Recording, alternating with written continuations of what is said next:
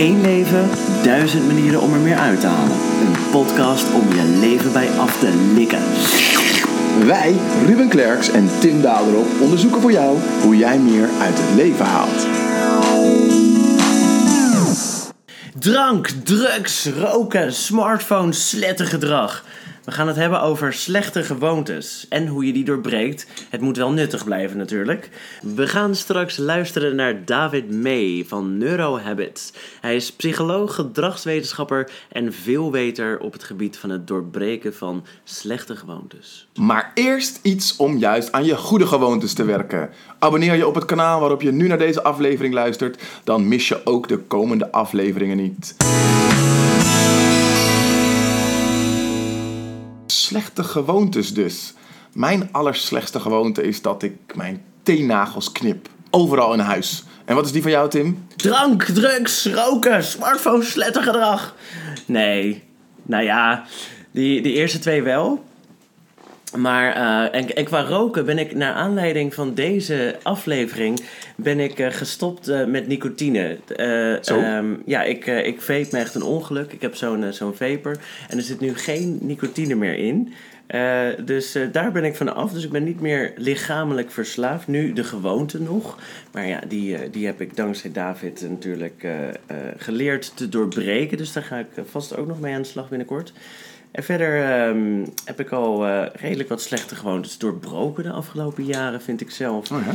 Ja, ik um, drink veel minder alcohol. Ik heb dus meer alcoholoze dagen. Ik uh, zet mijn smartphone vaker op de vliegtuigstand voordat ik naar bed ga. Uh, als ik opsta, dan heb ik eerst even een ochtendprogramma vol met goede gewoontes. En dan daarna dan zet ik pas mijn telefoon aan. Dus nou, dat gaat wel lekker. En hoe zit dat met jouw gewoontes? Uh, ja, als ik je zo hoor, dan, dan klinkt het eigenlijk als juist allemaal goede gewoontes. Bijna, bijna te goed. Dus even te kijken vanuit welke slechte gewoontes mijn huidige goede gewoontes dan ook zijn ontstaan. Uh, ik ik heb, heb sowieso en denk ik voor velen wel bekend is de uh, volle zak chips gewoonte. Oef. Dat die ook helemaal leeg gaat als ik eraan begin. Ja. Ik kan niet een halve zak chips eten. Nee, ik ook niet. Uh, en uh, ja, ik, ik, ik ben ook wel ongeduldig. Ik durf het bijna niet te zeggen als slechte gewoonte, omdat ik ook merk dat het me ook heel veel brengt, mijn drive. Mm -hmm. Maar die ongeduldigheid uh, soms speelt me dat wel parten. Vooral bijvoorbeeld uh, met mijn kinderen. Dan merk ik, oh ja, nu moet ik opletten, want dit, dit is niet goed voor anderen. Mm -hmm. Is het ook dat je uit ongeduld die zak chips dan maar leeg eet? Dat je gewoon niet kan wachten totdat die leeg is?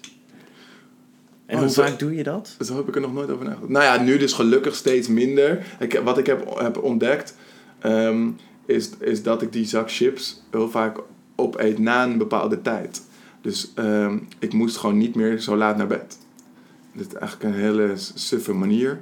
Maar dan, ik merkte bijvoorbeeld, uh, als het dan half tien was geweest, dan kreeg, kreeg ik weer honger. En dan pakte ik die zak chips. Ja, ja, precies, inderdaad. Dus dan kan je ook la later eten bijvoorbeeld, om dat te voorkomen. Of eerder naar bed. Ja, ik heb dan gekozen voor eerder naar bed. maar dan... dus omdat je bang bent om chips te gaan eten, ga je maar naar bed.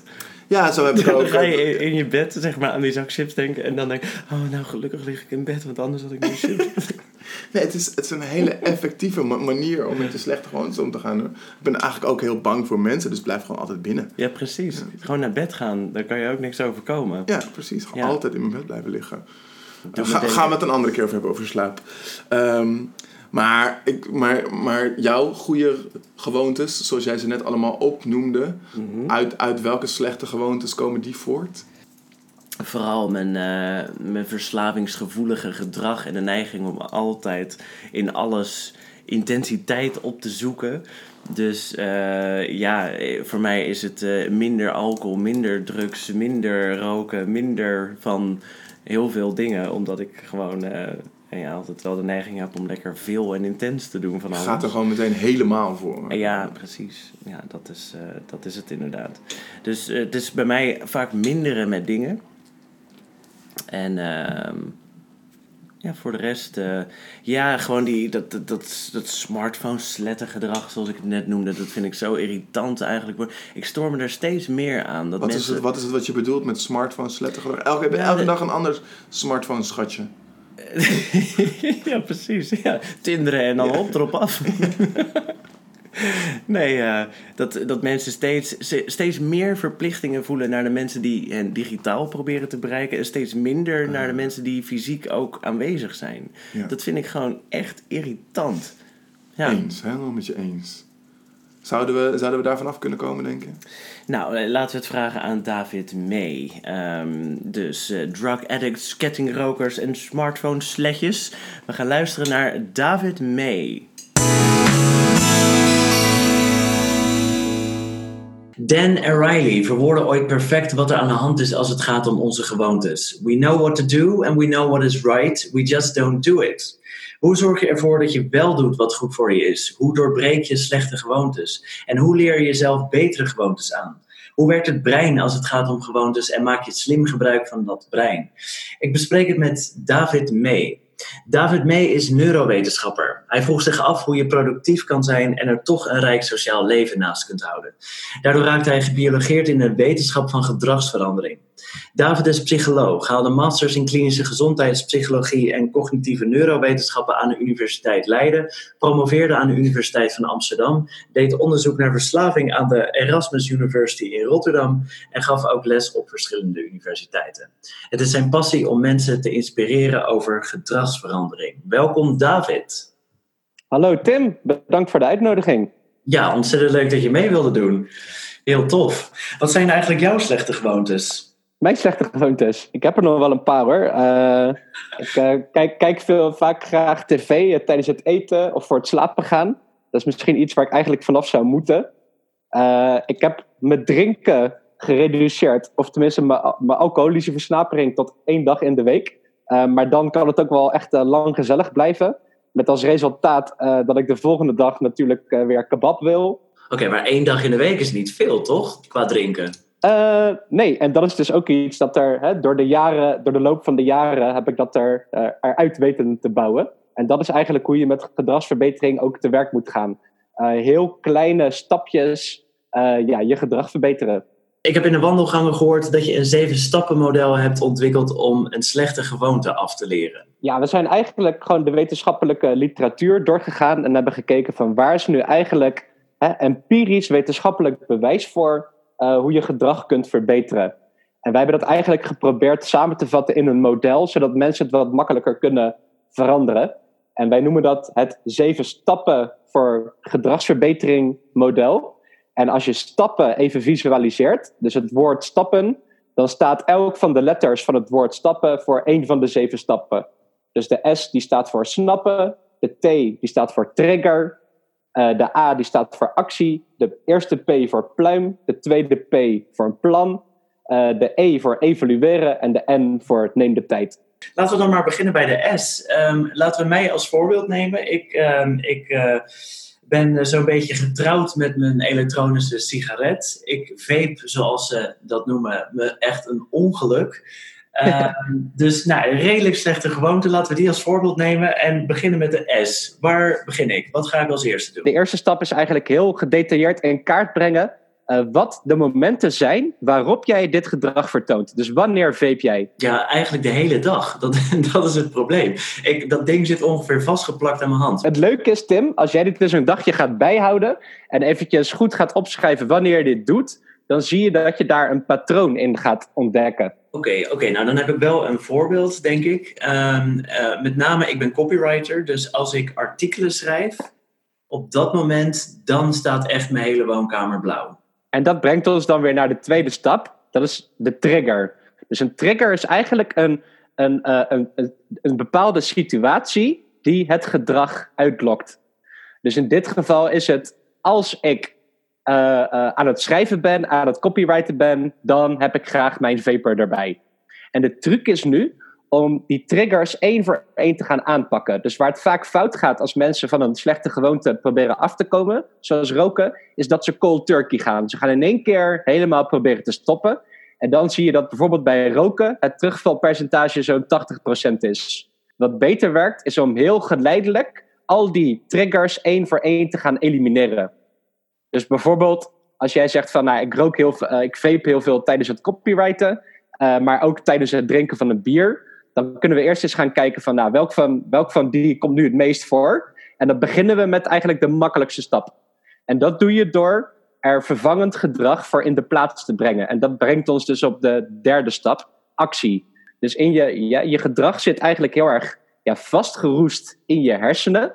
En het is heel moeilijk om dat uh, te laten verdwijnen, zo'n netwerk. Maar wat je wel kunt doen, is een ander netwerk ervoor in de plaats brengen. Dus dan zouden we bijvoorbeeld gaan kijken van wat zou nu hè, gewenst, concreet gedrag zijn dat we in de plaats kunnen brengen voor het vapen tijdens het copywriten bijvoorbeeld? Dan ga ik dus niet stoppen met artikelen schrijven. Dat zou ook heel onverstandig zijn. Maar dan ga ik tijdens het artikelen schrijven dus een andere gewoonte aanleren. Precies, dus we gaan experimenteren met uh, ander gedrag. Zelf probeer ik altijd te zeggen van, nou, is er misschien iets wat de, uh, waarbij de handeling een beetje hetzelfde is? Dus als je het hebt over sigaretten roken, uh, dan zou je bijvoorbeeld kunnen denken aan een tandenstoker. Hè? Dus dan doe je iets positiefs. Je doet toch nog iets in je mond. Je hebt een beetje dezelfde handeling. En het is iets wat, we, hè, wat de tandarts in ieder geval van je zou willen. We hebben de S, de T en de A gehaald, toch?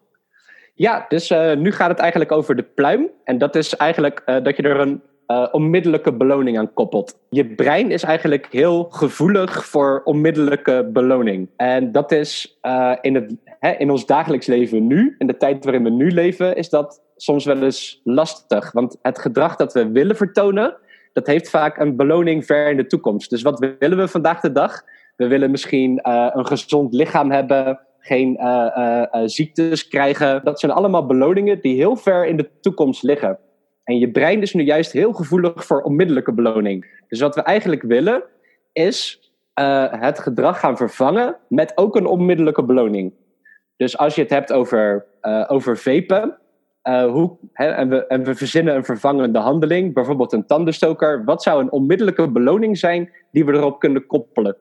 Nou, bij kauwgom kun je al denken van, hè, dus dan is de, de frisse smaak uh, is vaak al een, al een beloning. Maar je kan het ook uh, doen dat je zegt van, nou, elke keer dat ik mijn vapor daarvan afblijf, stop ik een euro in een pot. Wat is dan de beloning? Want dat doen natuurlijk heel veel rokers. Die denken, nou oké, okay, 7 euro per dag bespaar ik, want ik rook ongeveer een pakje per dag.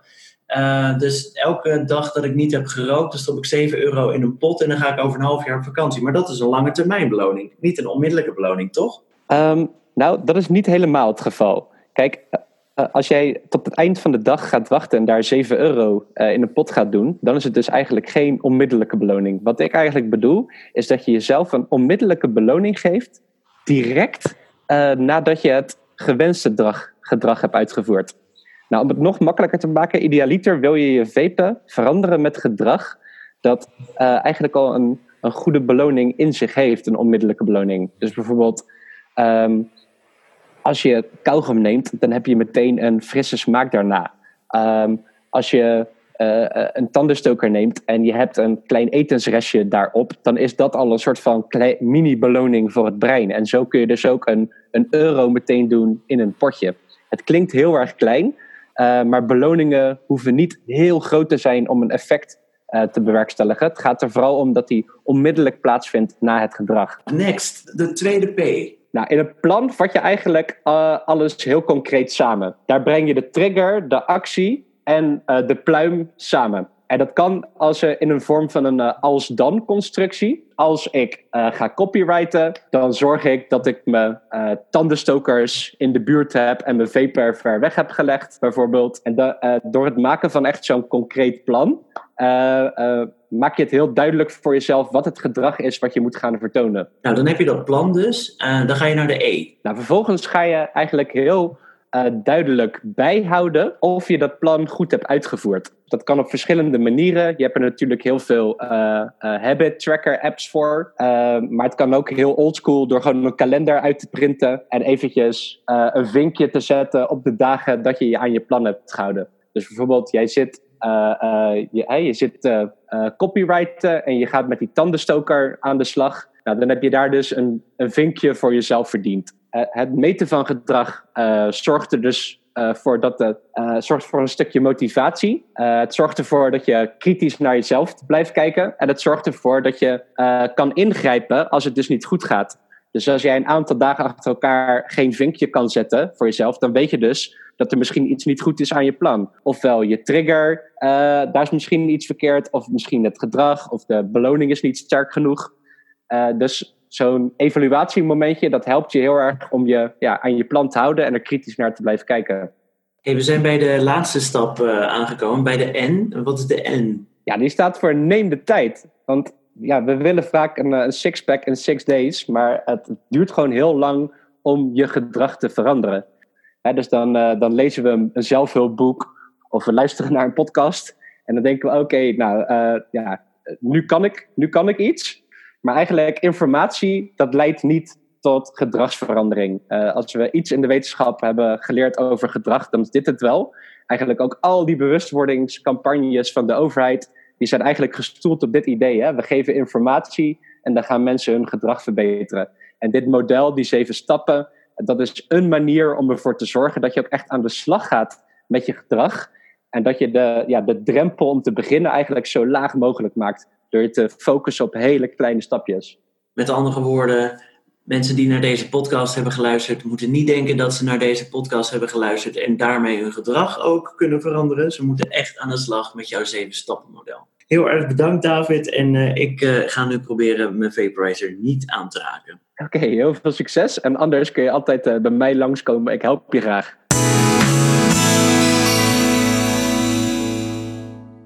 Vond je deze aflevering leuk en wil je meer horen? Abonneer je dan op het kanaal waarop je nu luistert. En wil je meer weten over het doorbreken van slechte gewoontes? Kijk dan op lifestyledesignpodcast.nl. Daar kun je ook een reactie achterlaten op deze aflevering. Wat zijn jouw obstakels als het gaat om het doorbreken van jouw slechte gewoontes? Of als je een idee hebt voor een totaal ander onderwerp voor een volgende aflevering, ook dan kun je ons daar een berichtje sturen. Lijkt ons leuk. Volgende week gaan we het hebben over keuzestress. Ik spreek dan met career dokter Inge Hulshoff. Vet! Tot volgende week! Doei doei!